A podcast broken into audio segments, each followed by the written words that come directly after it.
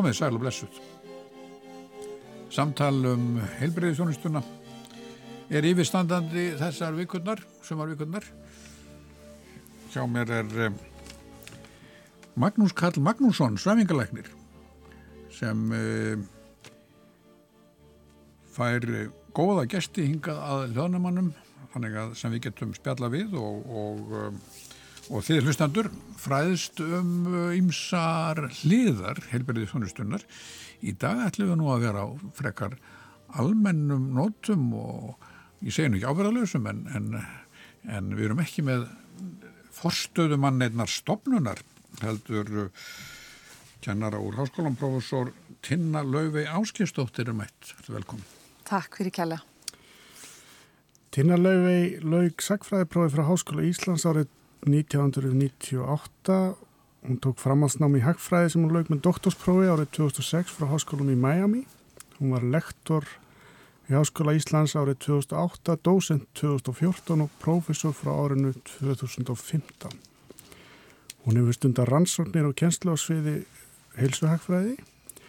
Hún stýri meðal annars KONSIF, rannsóknarhópi sem á íslensku hefur verið nefndur teimum tekju uppbót En hópur þessi sér hefði síðan að meta til fjár markasli gæði sem eiga sér ekki formlegt markasverð en þó eru einstaklingum og samfélögum mikilsverði. Þú er velkomin, Tina. Takk, Kjalla. Hvað getur þú sagt okkur í upphafi, hvað er heilsuhagfræði? Já, hvað er heilsuhagfræði? Það er náttúrulega svona undigrein hagfræðinar og, það, uh, og fólki finnst þetta oft svolítið sérkynlegt hilsu hagfræði sko. Á þetta tvent einu svonni saman. Er, er bara reynilega etíst að fara að tala um þetta í hérna, setja þetta í sama, sama orð heilsan og er hægt að uh, á eitthvað að hleypa hagfræðingum í þetta, þennan mhm. málaflokk. Mm -hmm. en í sjálf og sér er þetta bara undirgrein hagfræðinar og það er kannski auðveldar að skilja hvað heilsuhagfræðin snýst um þegar maður hugsa bara uh, hvað hagfræðin snýst um. Mm og ég held að það, sé, það fag sé kannski aðeins viðferðmar heldur en margir telja. Mín reynsla er allavega svo að fólk svona í almenningu telur ofta hagfræðins núist bara um atvinnusti og stýrivexti og eitthvað slíkt en í rauninni, sko mér hefur alltaf fundist þetta bara svo gott orð hagfræði, mm. af því að þetta snýst um hag, mm. þetta snýst í rauninni um þetta vandamál sem við stöndum fyrir, ah, þú veist, við erum hérna með takmarku gæði, takmarkaðar auðlindir, hvernig getum við gert eins gott úr þessu við mögulega getum fyrir samfélagið? Hvern, og, og í einhverjum skilningi má segja að það sé hvernig getum við búið til eins mikinn hag, hag mm og mögulegt er með þessar takmarkanir allar sem eru þetta heilmiklar, við getum ekki veitt öllum allt sem hugurinn gyrnist mm -hmm. Þetta er alveg miklu betra orð, þetta er íslensk orð, þetta er enn ökonomi. Þetta er nefnilega miklu betra, þetta er alveg frábær, eh, frábært íslenskt orð og mjög lýsandi. Já, þannig að, þannig að og, og, og þá kannski átta fólk sér frekar á því að þetta á auðvitað sérstaklega vel við að, að eh, hagfræðingar eigða tölu verið púðri í heilbriðismál mm. út af því að þau hafa sínt sig vera fólki mjög mikilvæg, jú, jú. bæði einstaklingum og samfélögum. Þannig að þetta er nú eitt af því sem að sko í þessum rannsóknum ef maður hugsa hvað er hagur þar þetta kalla það einhverjum nöfnum. Í, í, í hagfræðinni kallum við yfirleitt nýtjar sem er svona út af því að í heimsbygginu var þetta gamla nýtjastefnan frá Jeremy Bentham og þessum þannig að við notum þetta orð nýtjar sko. En Já. ef maður hugsa bara hamingja þú veist hvað er það sem að veiti fólki hamingju? Þá er heilsan er þar mjög ofalega á lista. Hún skiptir mjög miklu máli fyrir svona hérna velliðan fólks og að það upplifa það sé að eh, ná því fram í sínu lífi sem það óskar sko, það, það er heilsan mjög ofalega á, á bladi þannig að, þannig að í raunin er það það sem við erum að fást við heilsuakfræðinni og það getur verið að þá mjög mörgum sviðin, það er ekki bara heilbriðskerfi mm -hmm. vissulega þar þarf þetta að hugsa ok, ég er með hérna heilbriðsráðuneyti, þar er ég með svona mikið til umráða af einhverju fjármagni. Hvernig get ég fengið sem mestan hag? Mm mm. með þessu sem að mér var útlutað. Mm -hmm.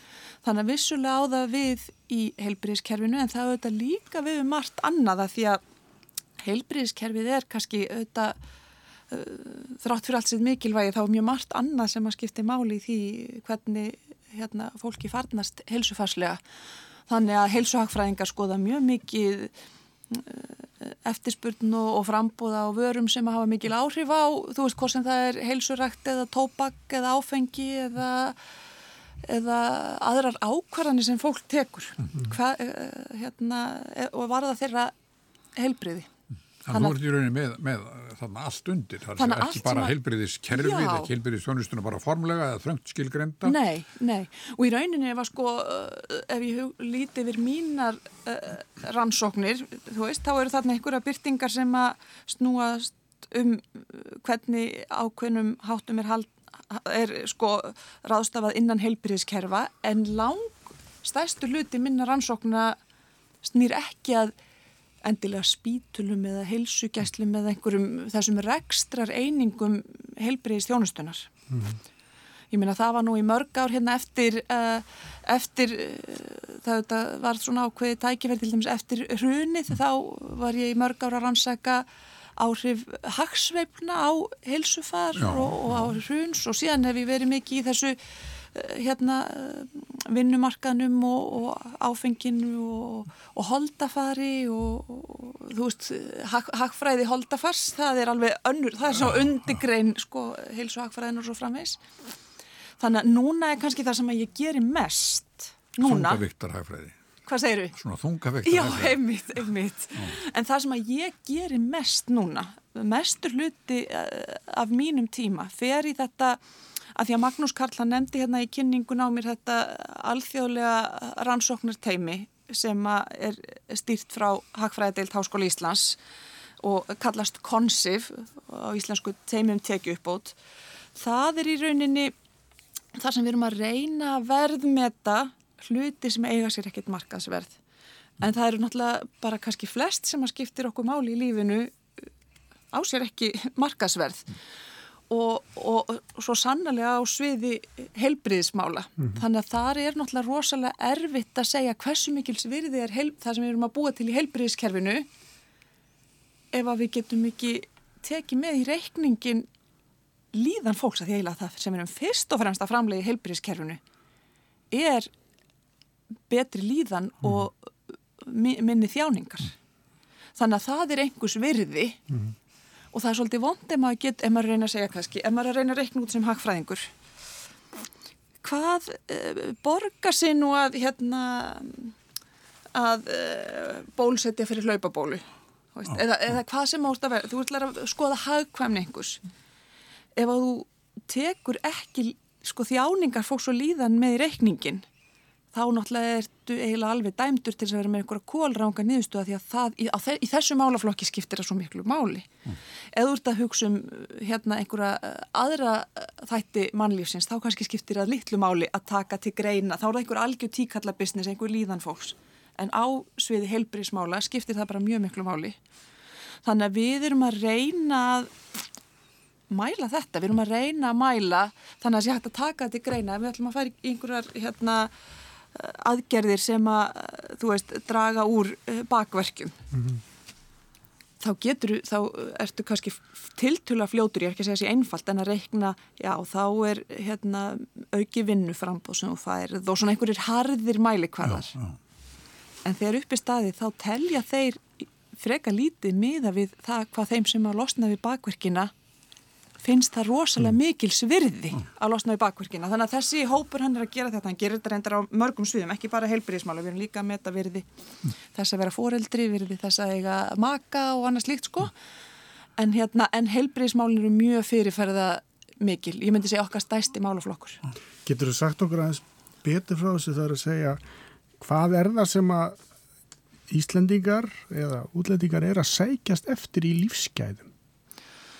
Sko það er rosalega mismunandi eftir uh, einstaklingum og þess vegna er rosalega erfitt að segja við eigum að uh, hérna, við eigum að framlega þetta eða hitt veist og, og hérna þú veist að því að það er náttúrulega bara í rauninni eigum við kannski helst getum við komið einhvern veginn fyrirkomulegi uh, hérna á koppin sem að framleiðir það sem að fólk sækist eftir. Mm, mm og það getur verið mismunandi fyrir þig Magnús og þig Ævar og mig. Og þannig, þannig að uh, sko og það er kannski þetta að reyna að veita fólki það sem að hugur það stendur til sem að stundum er grundvöllur þess að svona marg, margt í hagfræði vil benda fólki, alls ekkert í öllum aðstæðum en í ákunnum aðstæðum til svona ákveðins einstaklingsfrelsis og það er bara því að það er svo erfitt að búa til eitthvað eitt sem að hendar mm -hmm. lífi okkar þryggja á nákvæmlega sama hátt. Þannig að við, við oft kannski auku við þennan hag mest ef að við þurfum að passa að búa eitthvað ákveð til fyrir mig, eitthvað ákveð til fyrir þig og eitthvað ákveð til fyrir þig Magnús sem eru kannski sikkur hluturum fyrir okkur öll sko. og það þarf eitthvað að stýra því þannig að einhvern veginn þurfum við að fá fram hvað það er sem ævar vill En er, er enga líka til þess að við hér þrjú verðlækjum verki, herra eða lægra heldur en aðra þjóðu til dæmis? Eða... Jú, það er nefnilega og þess er svo mikilvægt að gera þetta eins og þessi rannsóknar, þetta er alþjóðlegt teimi og við erum að nota gagg frá mismundi löndum út af því að þetta er svo aðstæðubundið.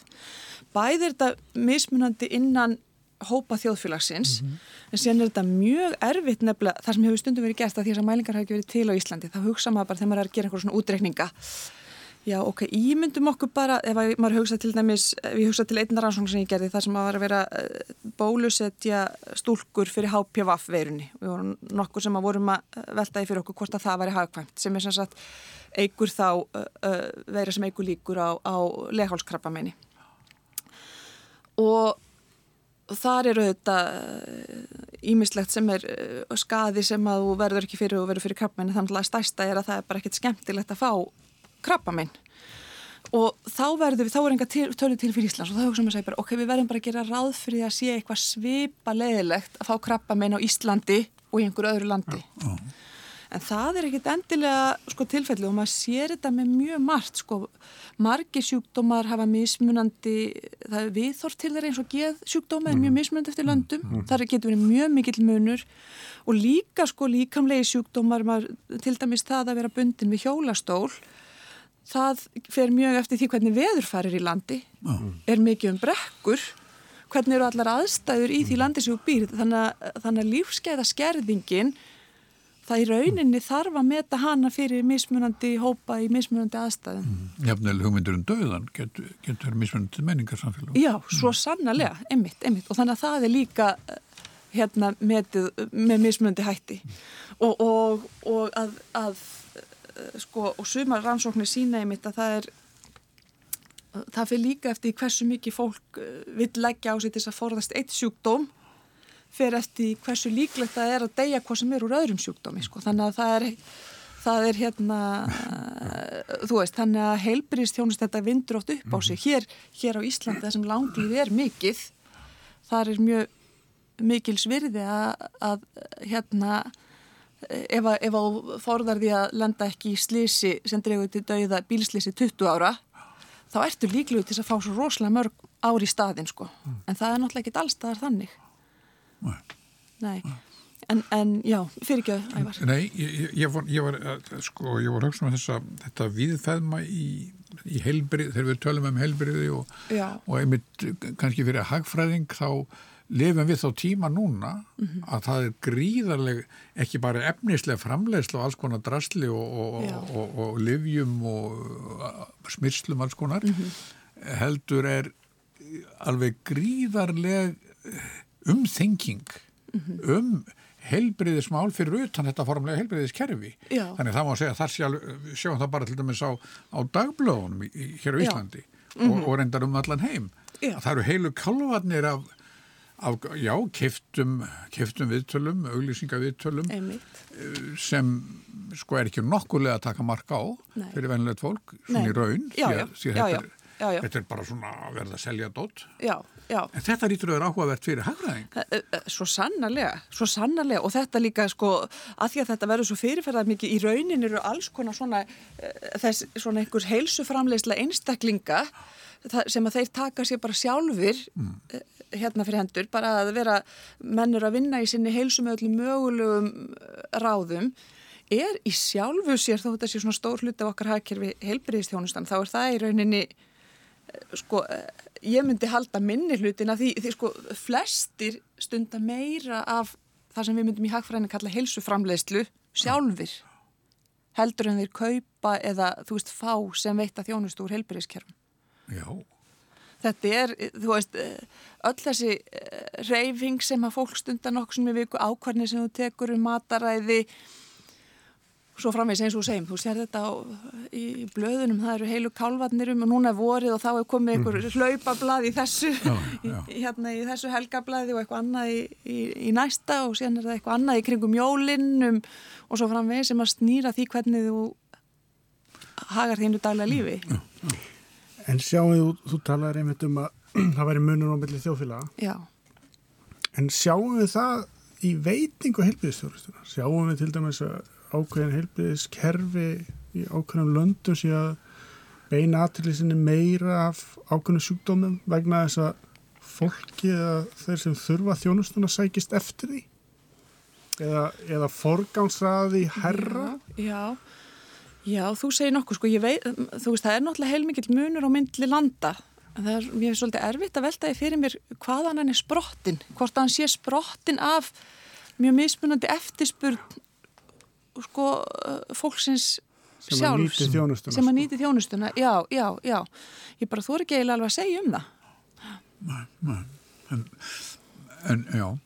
Mér finnst þetta svo þetta með með sko þennan gríðarlega áhuga því að vera nú helbreyður og, og, og hérna öðurlast vel líðan með einhverju ráðum. það, sko, þannig að það er ekkit skrítið þó að segjum að samfélagi eins og okkar taki einhver staðar það ákvarðun að verja geysilega miklum fjármunum í, í um, heilbriðistjónustu, ja. þessa formlegu, mm -hmm. en síðan kemur, en, en sko, en við, við mörkin, þar virðist gangað allt í bóksulega, nú segja allir með vörunum, já það er andleg líðan skiptur nú alveg miklu máli, geð heilbriði skiptur miklu máli, en svo er búið að sko ganga alveg ofbóðslega illa að, að um, koma til dæmi sálfræði þjónustu inn í þetta ofnbæra kerfi sem dæmi já, já. Þá, þá, þá er þar er ákveðin geiri sem virðist alltaf svona aðeins lenda á jæðrinu Já, og sko hagfræðilega þá skilum að það ákveðinu leiti að því hagfræðingar hafa svolítið veldi fyrir sig hvernig það, eh, án sem er sálfræðið þjónustuna, hvernig það er hægt að vinna úr þeim vandamálum sem tengjast í að gera hana gjaldfrjálsa eða, eða svo gott sem svona niðugreita til einhvers japs við aðra heilbyrðstjónustu og vandin þar sem að er sko líka kannski það sem að mér finnst móti verða að mörgum finnst að hún ætti að verða er að eh, magn sálfræði þjónustu sem er neitt er mjög næmt fyrir verði á sálfræði þjónustu.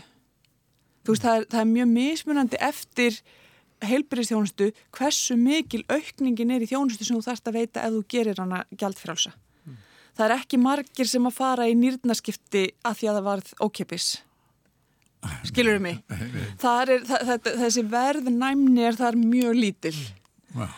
Verð Eh, sko næmi í, í þessari þjónustu, sálfræði þjónustu þessin er það, það er bara svona flókið sko mm. úrlausnir efni þessum og það er alls ekkit óyfir stíganlegt mm. en það þarf kannski að koma fyrir einhvers konar af því að þetta er alveg, alveg þú veist þetta mælist bara miklu mm. meira, miklu næmari fyrir verbreytingum þessu þjónusta, þannig að þá þarf einhvern veginn, finnst fólki ef þá þarf það að stýra því á einhvern hátt, fyrir hvort þú vil fólki að hafa tilvísun eða það sé fyrir ákveðna ákveðna raskanir en ekki aðrar eða eitthvað svo leið sko, menn velta þessu tölvert fyrir sér að því að þetta verður sko ja, mikil er, breyting á nótkunninni. Það er bara mikil nótkun, menn er þetta bara annarkar maður í svolfræðingi. Já, sem að kannski er það bara afskaplega gott sko, maður veit ekki um það já, sko, en, en í rauninni, og þetta sem að því að tala um menningamunum á milli landa, þú veist, það eru auðvitað mörg samfélög sko sem að það sem að fólk sækir þess að þjónustu mjög mikið mm. og ennur það sem, það sem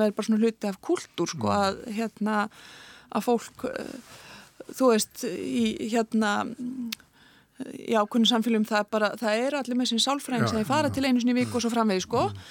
og, og, og kannski er það eðlileg heilsubót eins og fólk fer í, við niðugræðum í sundlöga sko mm. þannig að, en, en, en hins vegar er þetta það sem held ég sko fólk stendur svolítið frammi fyrir sem að þarf að hanna kerfi utanum þessa þjónustu mm. og hún er að þessu leiti aðeins annars eðlis heldur en heldur en hérna Þægilega niðugreiða valjum Þa, Sko það er, já, það er auðveldar að niðugreiða það er auðveldar að niðugreiða það sem að er hérna, fólk fyrir einhvern veginn bara til uh, ef það þarf, ef það sem er mikil þörf sko, þá er verðnæmi miklu minna. Já, þetta er mjög aðeinsvægt. Já, já, þannig að ég held að, og ég held að sé nú einhverjir, eh, sko, einhverjir sem hafa áhuga á þessu og hafa lengi haft, sko, í íslensku hérna, stjórnmálum og svo framveg, sko, þetta er nú í umræðinni, sko, að ég held að, og þetta er algjörlega yfirstíganlegt vandamál, þetta er bara spurningum að finna eitthvað kerfi sem, að því að við erum hérna á Íslandi með kerfi þar sem er ekkit sérstaklega mikil stýring. Þú veist, það er ekki, hérna, það er ekki tilvísana kerfi og svo framvegis. Þannig að það er spurning hvort að það væri þyrti að hafa einhverja meiri stýringu á þessu sviði já, já. til þess að það gangi sæmilega sko, því að annars myndi ég halda hættan væri til þið bara tekið út aftur sko. mm -hmm. já, En hefur heilsuhagfræðin eitthvað skoða? Nú er oft talað um að að nota einmitt til stýringar sko hlut sjúklings.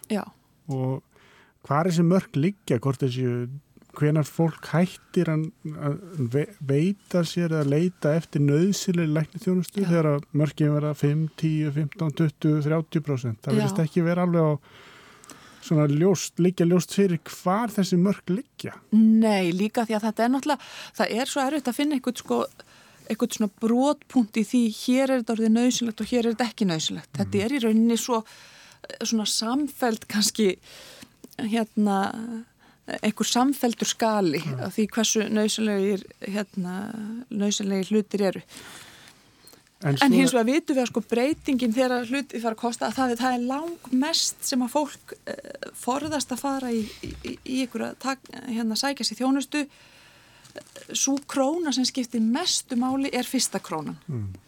þannig að það skiptir það, það er miklu meiri svona ég veit ekki hvað maður vil kalla það svona uh, fælingamátt frá heilbyrðiskerfinu ef að það kostar sko þúsund kall að fara til heimilslæknis frekar heldur en að hækka úr þúsundu upp í tvöðus kall. Mm. Það er bara þetta að taka upp beski sem að er, er þar er verð næmnin gagvart verði langmest. Það verður sem sagt bara stýring þannig um leið og menn myndu segja að við viljum hafa einhverja þjónustu gjaldfrjálsa þá er sústýring þá er, þá er það, farin. Já, þá er, þá er næmnin fyrir því að færa þenni í null, þar, er, þar sér maður mesta breytingu mm. sko. og oft er þetta kannski að hluta til viljandi gert að hafa þetta ekki 100% mm.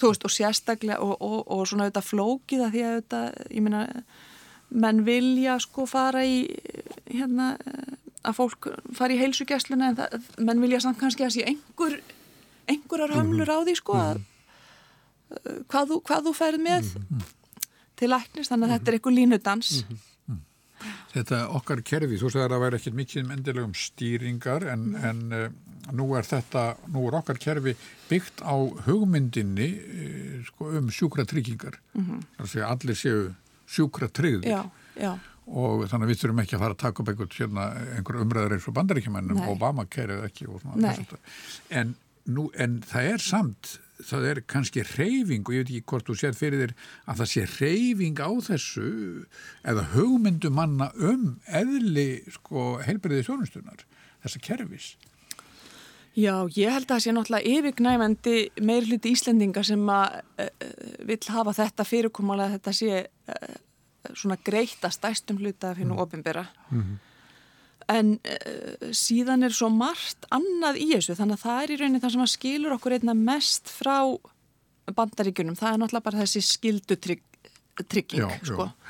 og síðan er þetta svo, og hún sko hún í rauninni leysir ímislegt skildutrygging sem að mennir hafa verið í vandræði með í bandaríkunum og, og þetta uh, Affordable Care Act sem að sumir hafa kallað Obamacare sko í bandaríkunum átt að leysa. Mm. Að stæstu hluti þess var bara einhvern veginn að koma því þannig fyrir að það þyrtu allir að vera sjúkratrygðir. Í rauninni þarf til að leysa þau vandamál sem að það því fylgir þau losnir rauninni kannski með því að allir séu sjúkratrygð það þarf ekki endilega að vera ríkistrygging. Mm. Nei, þú veist, nei. það eru til kerfi sem eru þannig að það, það er bara að það sé skilda eins og við erum til dæmis með á öðrum tryggingamörkuðum hérna jú, jú. þá er skilda að vera tryggður maður þarf að tryggja bílinn sinn en það er, þarf ekki endilega sko, þú ert búin að leysa vandamáli sem er kannski, kannski oflant mál hér að lýsa þeim hagfræðilegu vandamáli sem að verða við það að fólk geti valið sér inn og út mm. og einhvern veginn þá veljast þeir sem eru mestu áhættu inn á markaðin og þeir heilbriðustu fara ekki inn á markaðin sko og þá er einhvern veginn hálfpartin hrinu tryggingamarkaðurinn sko það er í rauninni vandin sem að verður og fólk fær að velja mm, já, já. Og, og í bandaríkinu voru að reyna að koma á einhverju svona skildu þó að fólk gæti verið með sínar engatryggingar sko líka til þess að reyna að koma í vekk fyrir þetta. Og dæmi, ef ég tek bara úr mínu persónulega lífi sko, að það var hérna að ég var nú hérna í skóla í Bandaríkunum og, og skólinn er þannig að þegar ég var í háskóla þar að til þess að vera í skólanum þá er skilda að þú sért með tryggingu. Þannig að ég hérna skólinn bauð upp á eitthvað maður gæti líka fengið sér einhverja aðra tryggingu og ég kaupi mér hann einhverja tryggingu og síni fram á það ég sé með tryggingu. Þeim fannst það sem ég var trygg sem frá hérna Íslandi ekki döga til. Síðan klára ég námið og ætla að kaupa mér tryggingu sjálf. Og þá var sem sagt yðgjaldi sem ég átt að borga það var fjórusunum hærra. Af hverju vildu þeir að ég borgaði fjórusunum meira?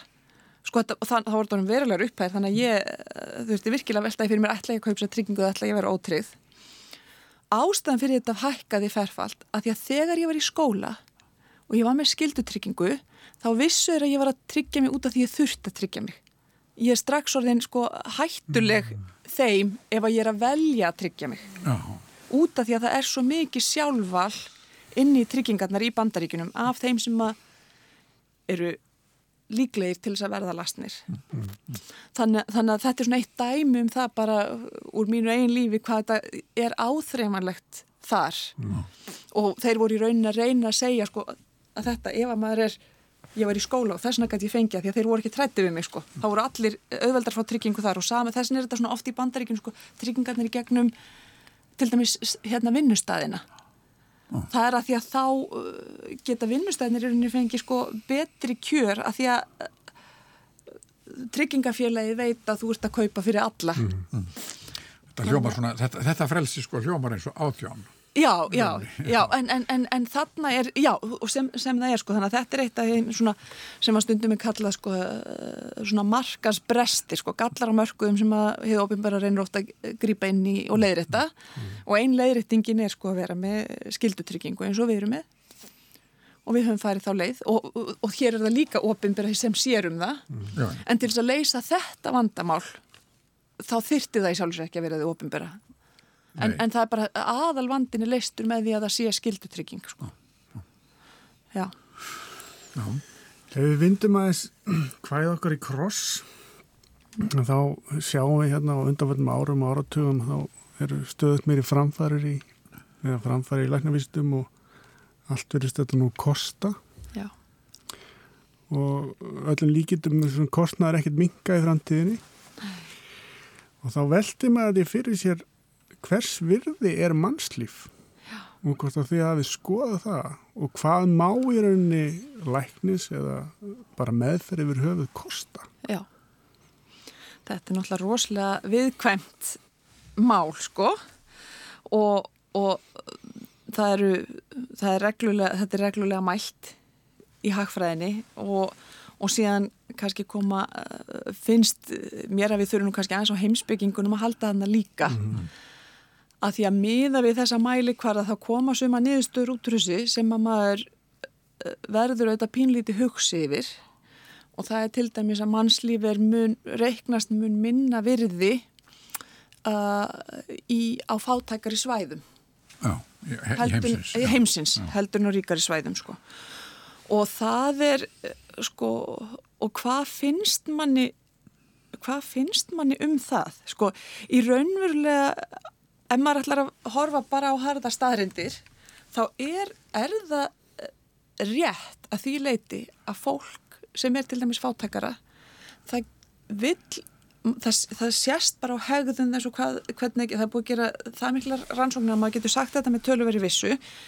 Það metur lífsitt ekki jafn mikils af því að sko það er í rauninni ekki jafn skemmtilegt að lifa því lífi þannig að, að því leiti er það líf raunverulega ekki jafn mikils virði, skilur það er ekki að færa jafn mikla ef maður hugsa bara um þessi hagur sem við erum að reyna það eru bara einhvers konar áhrif frá miðtökkerfinu. Bæði líkamleg, þú veist að minni þjáningar og meiri veljan og líka andlega áhrif sko. Og, og, og kannski er líf sem er alveg frábært meira virði heldur en líf sem er ekkert svo frábært og við sjáum þetta ef að, ef að sko, aðstæður fólks, ef að þær eru bættar ef að það, ég verður eitthvað sjokk á ákveðnu svæðum, þannig að tekjur aukast og þú veist með sama, þú getur ekki sagt að þessi öðruvísi fólk, það sé að þú veist meiri mentun eða eitthvað sluðis, þá fer fólk að passa líf sitt betur. Ef að líf fólks verður betra, þá er meira virði að passa þetta líf. Þannig að það er eitthvað, þannig, þannig að ég vil, þú veist, þannig að það er alveg eitthvað, sko, það er alveg eitthvað, eitthvað haldbær þekking sem að sína að þetta er raunverulegt en manni finnst þetta samt auðvitað líka svolítið hardneskjulegt að gangast við þessu. En já. Já, ég sko bara myndi er, er, áttu við að þetta, þarna sé hugsunin að, að, að það sé rauninni sjálf, mat, sjálfsmat einstaklingsins Já. þannig að, að tunglinni sjúklingur sem er í sjálfsmátshugliningum Mhm. hans líf er ekki eins mikil sverði og þess sem er alveg svona sprúðlandi ánæðum með lífi. Já, já.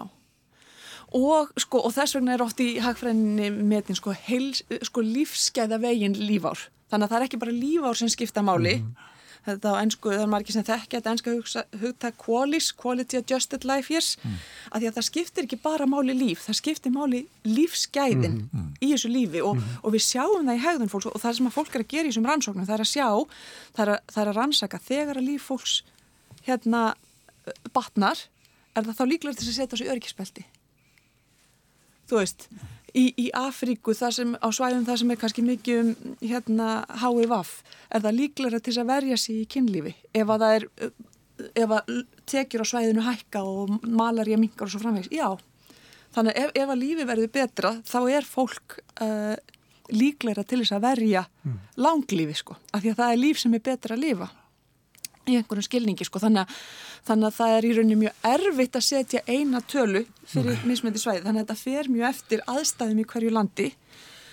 Þa, þetta er sko þetta, þetta er niðurstaðan ef að við erum hörð á þessum mælikvarða að vera hámarka hag. Þá erum við hámarka meiri hag að við viðhaldum lífi einhvers sem að upplifir mikinn hag en, en síðan er það spurning uh, metu við líf með einhverjum öðrum hætti af einhverjum öðrum ástæðum og þetta er í rauninni, þannig ertu komin í sko grunninn, al, alveg grunninn fyrir hagfræðina. Hagfræðin er í rauninni búin að taka sér, velja sér eina siðferðilega mælistíku sem er netjahyggja. Þú veist bara hámarka hag og við erum með frekar, eh, myndi ég segja, eh, sko góð tæki og tól til þess að koma með niðurstörum hvaða leiðir séu skynsanlegastar ef að við viljum hámarka hag. Sko, Jeremy Bentham, hann hefur verið rosalega ánæður með það að við, það sé búið að þróa þetta svona, en síðan er einhver aðri heimsbyggingar, þú veist, Kant, hann hefði ekkit viljað hámarka hag, þú veist, hann hefði, hefði sett einhver allt aðra siðferðilega mælistíku sem að fólk ætti að ætti að uh, sko fara eftir. Jú. og ég sjálf þó svo að ég sé hagfræðingur þá veit ég alveg ímynda mér aðstæður þar sem að ég myndi ekki vilja hámarka hag. Ég held að í mörgum tilfellin þá viljum við, eh, viljum við þú veist, allavega vita þú veist, ah, þú veist þegar við erum að fórna meiri gæðum fyrir minni þú veist, þá erum við að minka hag. Við viljum almennt reyna að hafa en það er alveg aðstæður þar sem að við, ég myndi segja ok, hér veit ég að við erum að búa til meiri hag en ég held ég vil þetta samt ekki Og við kvæmt sambandið þarna við réttlæti. Já, þannig er nefnilega einmitt, einmitt. Þannig og svo náttúrulega allar svona þessar almennu, svona óhlutbunnu hugmyndir, til dæmis hugmyndir trúabræðana um, um einhvers konar uh, absolutt uh, virði sko mannsins. Já, já, já, já. Þannig að þetta, þetta er ansi, ansi flókið sko og heilsunar í þessu sambandi sko þú veist að þetta er, ég meina það er hægt að taka svo þú veist þannig að þetta dæmi um virði manns, mannslífs er eh, mjög gott dæmi um það hvað hvað maður sjálfur, eh, jafnverð þeir sem eru, ég myndi nú að halda ég, eins og við mörg í vesturheimi værum svolítið miklir, eh, mikið nýtti ekki fólk sko, viljum almennt reyna að búa til sem mestan hag að uh, það snýst aðeins á kvolv mægin í manni þegar maður fara að hugsa um það að það sé ekki, líf allra sé ekki jafn mikils virði sko. Jú, jú, og, en, og þetta auðvitað, eh, við tökum þetta áfram allt svo á svona, svona þjóðhagslegu, yfir á þjóðhagslega nótur, Já. þá má einmitt spyrja sig, já, hva, af hverju ekki að eh, nota svo til alla sjóðaframlýsluna í, í, í að, að skapa velíðan Já. með, til dæmis gegnum hilsu Einmitt, einmitt. En ástæðan fyrir við gerum það ekki í gegnum heilbyrðiskerfi sko, að, að það er náttúrulega út af því að það er eitthvað annað sem að veitir okkur hag líka. Já, Þannig að, þú veist, fólk virðist vilja hafa þessa stopnun hér. Það er, ég man nú ekki hverja fjárveitingarnar eru til ríkisútafsins, en, en ég get, þú veist, ég gæti sjálfur sem maður geti alveg reiknað út hvað er hægt að bjarga mörgum lífárum með peningum þessar stopnunar. Þú veist, það, það, það, þannig að þetta er alveg hægt að segja að þessi stopnun kosti ákveðin líf. Við erum að, þú veist, þannig að þetta er, það, það, þetta er, þú veist, þjóðleikúsið kostar fórnir í formi lífs og heilsu. Þannig að það var hægt að hugsa sér sko, ekkert mentakerfi, ekkert þjóðleikurs, Já. bara hérna frekar svona ánaða pleppa sem Einmitt, já, bara, bara fólk sem er bara hraust en hefur ekkert annað. En tilfelli er sko að við vitum að það er ekki það sem að fólk vill. Að því við sjáum það líka í, í daglegu hvernig, sko, ég til dæmis kom hérna núna í þetta viðtal, keirandi. Það hefði verið, ég var, er því hraustar ef ég hefði hjólað. Þannig að við sjáum þetta líka, þa- þannig að heilsa er ekki það eina sem ég er að hámarka í mínu lífi. Þannig að við vitum að það, það við viljum ekki bara heilsu sko, þannig að það, þar er ég að fórna heilsunni fyrir einhver önnur gæði sem skipta mig líka málu og það er þessi dans sem við erum alltaf að vinna með í hagfræðin að reyna að búa til sem mest gæði uh, úr þessu takmarkað. Og það eru náttúrulega alls konar hluti sem við viljum. Já, já, Nú, nú verjum við einhverju x uppæði Já, og heilbyrðismál bara almennt. Mhm. En hefur þá verið reiknað út Mm. með þessum aðferðum sko hversu mikil gæði við erum þá að fá í peningum? já. Sko það er í rauninni, sko það hefur ekki verið gert á Íslandi en menn eru að, uh, sko sífælt að, að gera það og, og þetta tengist þetta sem ég er búin að vera að tala um, við erum búin að vera að spjalla um hérna í dag, hversu mikil svirði er sko þeir eru verið að gera eitthvað fyrir einhvern einn, að losa einhvern við bakverk eða bólusetti fyrir einhver ákveðin þannig að fólk fá ekki einhvern ákveðin sjúkdóm og svona.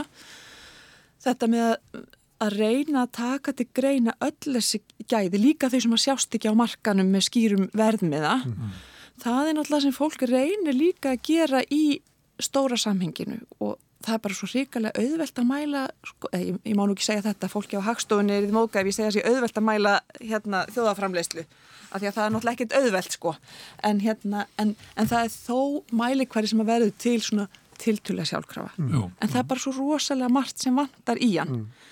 Þannig að menn eru með alls konar æfingar til þess að leiðir þetta hann til dæmis fyrir heilsufari. Þannig að það eru, það eru sko áratugum saman hefur verið, hafa hagfræðinga verið að búa til mæli hverða sem er eiginlega leiðrétt þjóðaframlista þannig að hún mæli hag, þannig að hún mæli einhvers konar hagmyggju, þannig að það, það sé eh, betra að vera í landi þar sem er friður frekar heldur um stríð og betra að vera að er meiri heilsa eh, og svo framvegis.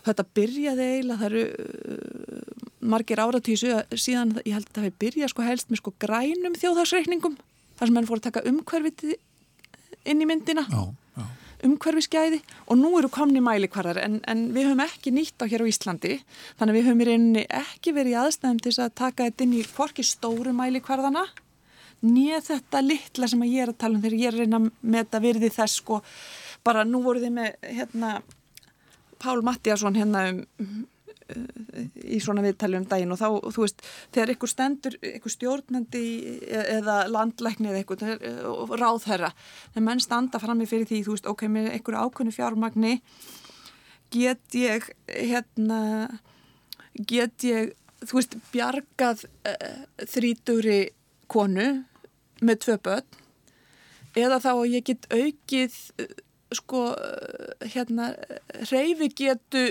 280 ára einstaklinga. Hvort ætlar að velja? Þannig að þá skiptir það máli, þá, þá hérna, skiptir ekki bara máli eitthvað, þú veist, framleiðsla á markað og það sem er auðmælt, þá náttúrulega skiptir máli að, og ekki heldur bara að telja lífa því vorum að segja hvaða, hvers virði er hvaða líf. Mm -hmm. Vandast máli þá vandast máli og ég menna hagfræðingar eru svolítið, þú veist, þetta, er, þetta er svolítið sko hort kannski stundum kallt á þetta, sem ég finnst þetta rosalega uh, sko kallt að vera að meta virði sko þjáninga mm -hmm. en á móti mitt svar er eiginlega að mér finnst ennþá kaldara að reyna að mæla hagkvæmni án þess að taka sko líðan fólks til greina. Þú veist, það eru svo harði mælikvarðar eru bara að meta hagkvæmni einhvers út frá því hvort það verði meiri framleysla eða eitthvað slíkt sko mm. þannig í raunin er þetta kannski leiðir til þess að segja það, þetta, þú veist öll, allur hagur sem er þá bara öll okkar eh, öll okkar upplifun allt okkar sem kemur frá svona, þú veist, kannski mittöðakerfinu einhvern veginn það, það er allt það sem skiptir máli sem við erum að reyna að gera sem best úr því, sko mm.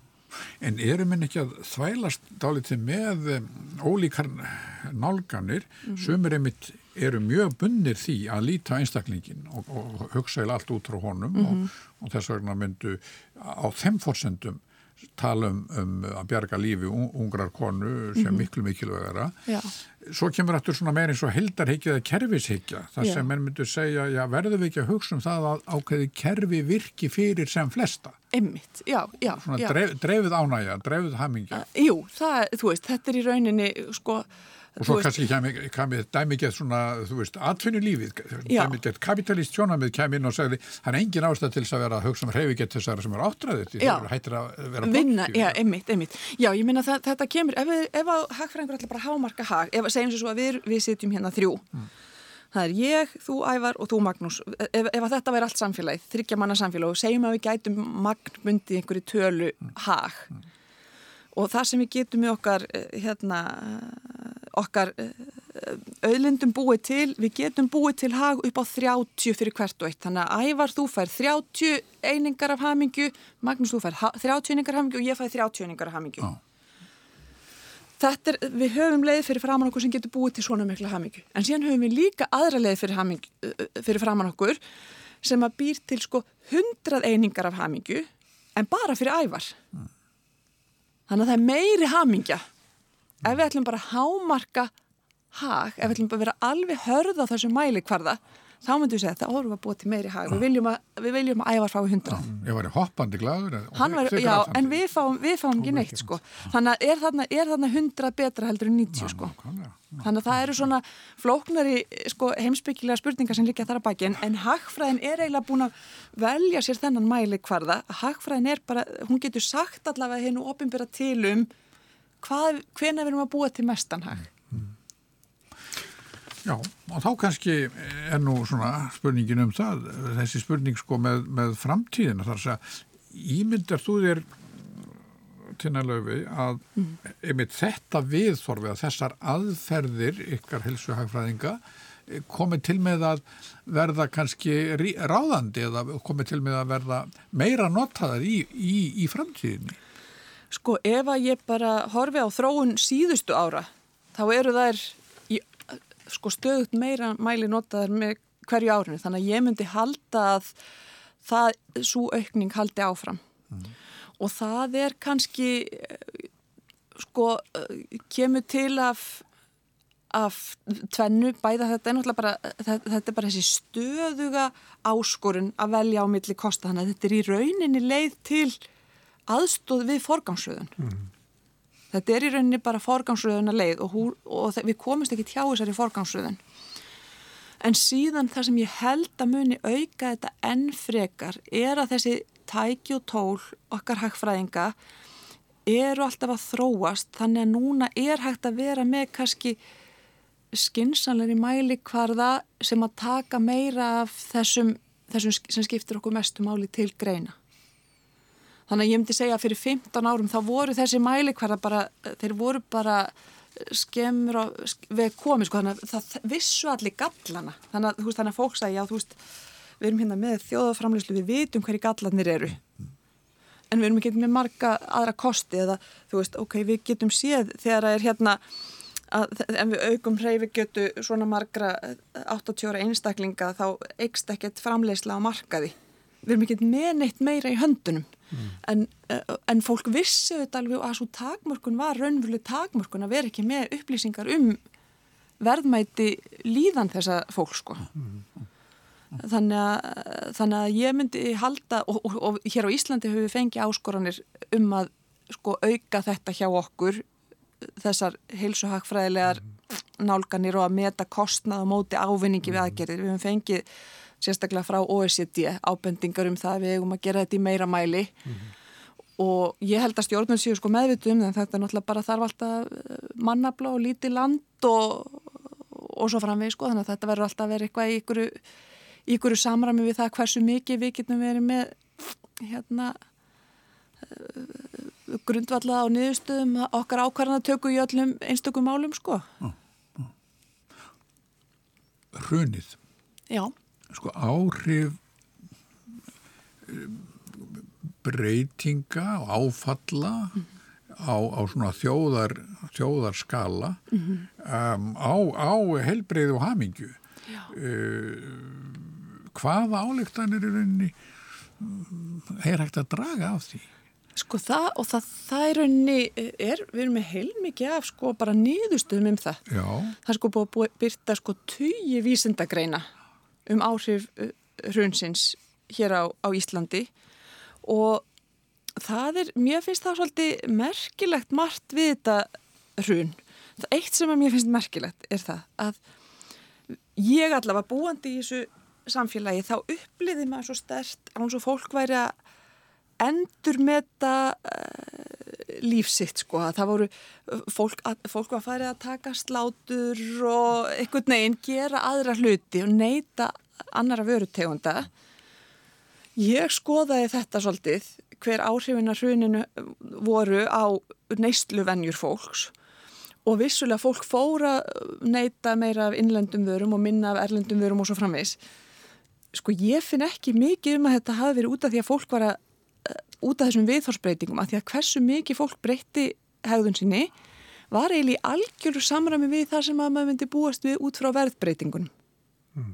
oh. þú veist, það mm. hvaðar fólks bara í umhverju þess breyttur svo sen getur verið að það hefur fyllt þannig að ég veldi fyrir mér, fóru við öll að segja okkur þess að sögu, þú veist, að því að við vorum að því að þetta er, við vorum ekki að fara að kaupa meira Íslands heldur en var eðlert nefið það bara íslenskar vörur eruðu ódýrari mm. og erlendar vörur eruðu dýrari sko þannig að hérna, þannig að neyslu breytinga það voru ekkert miklar, þú veist fólk var meiri, meira með hérna fjölskyldu sinni en það var í samræmi við bara þessar breytingar á vinnumarkaði, þannig að þetta var í rauninni mjög miklu samræmi við það sem maður myndi búast við ef þú, þú veist, verða á lísi lækkaði og fólk fór að taka meira lísi þú veist, það er bara í samræmi við það sem maður myndi ætla á verðbreytingum, áfengi hækkaði verði fólk fór að drekka eins minna áfengi mm. þú veist, það er í samræmi, tóbak var dýrara og þetta er í rauninni mjög miklu samræmi við það hvað við mælum að fólk breyti hegðun sinni mikið út frá verðbreytingum sko. Þannig að, að núna þegar við að tala um hérna, umhverfið sem vá Já. og að þá þá samkvæm, líklega myndir þú áleikta sem svo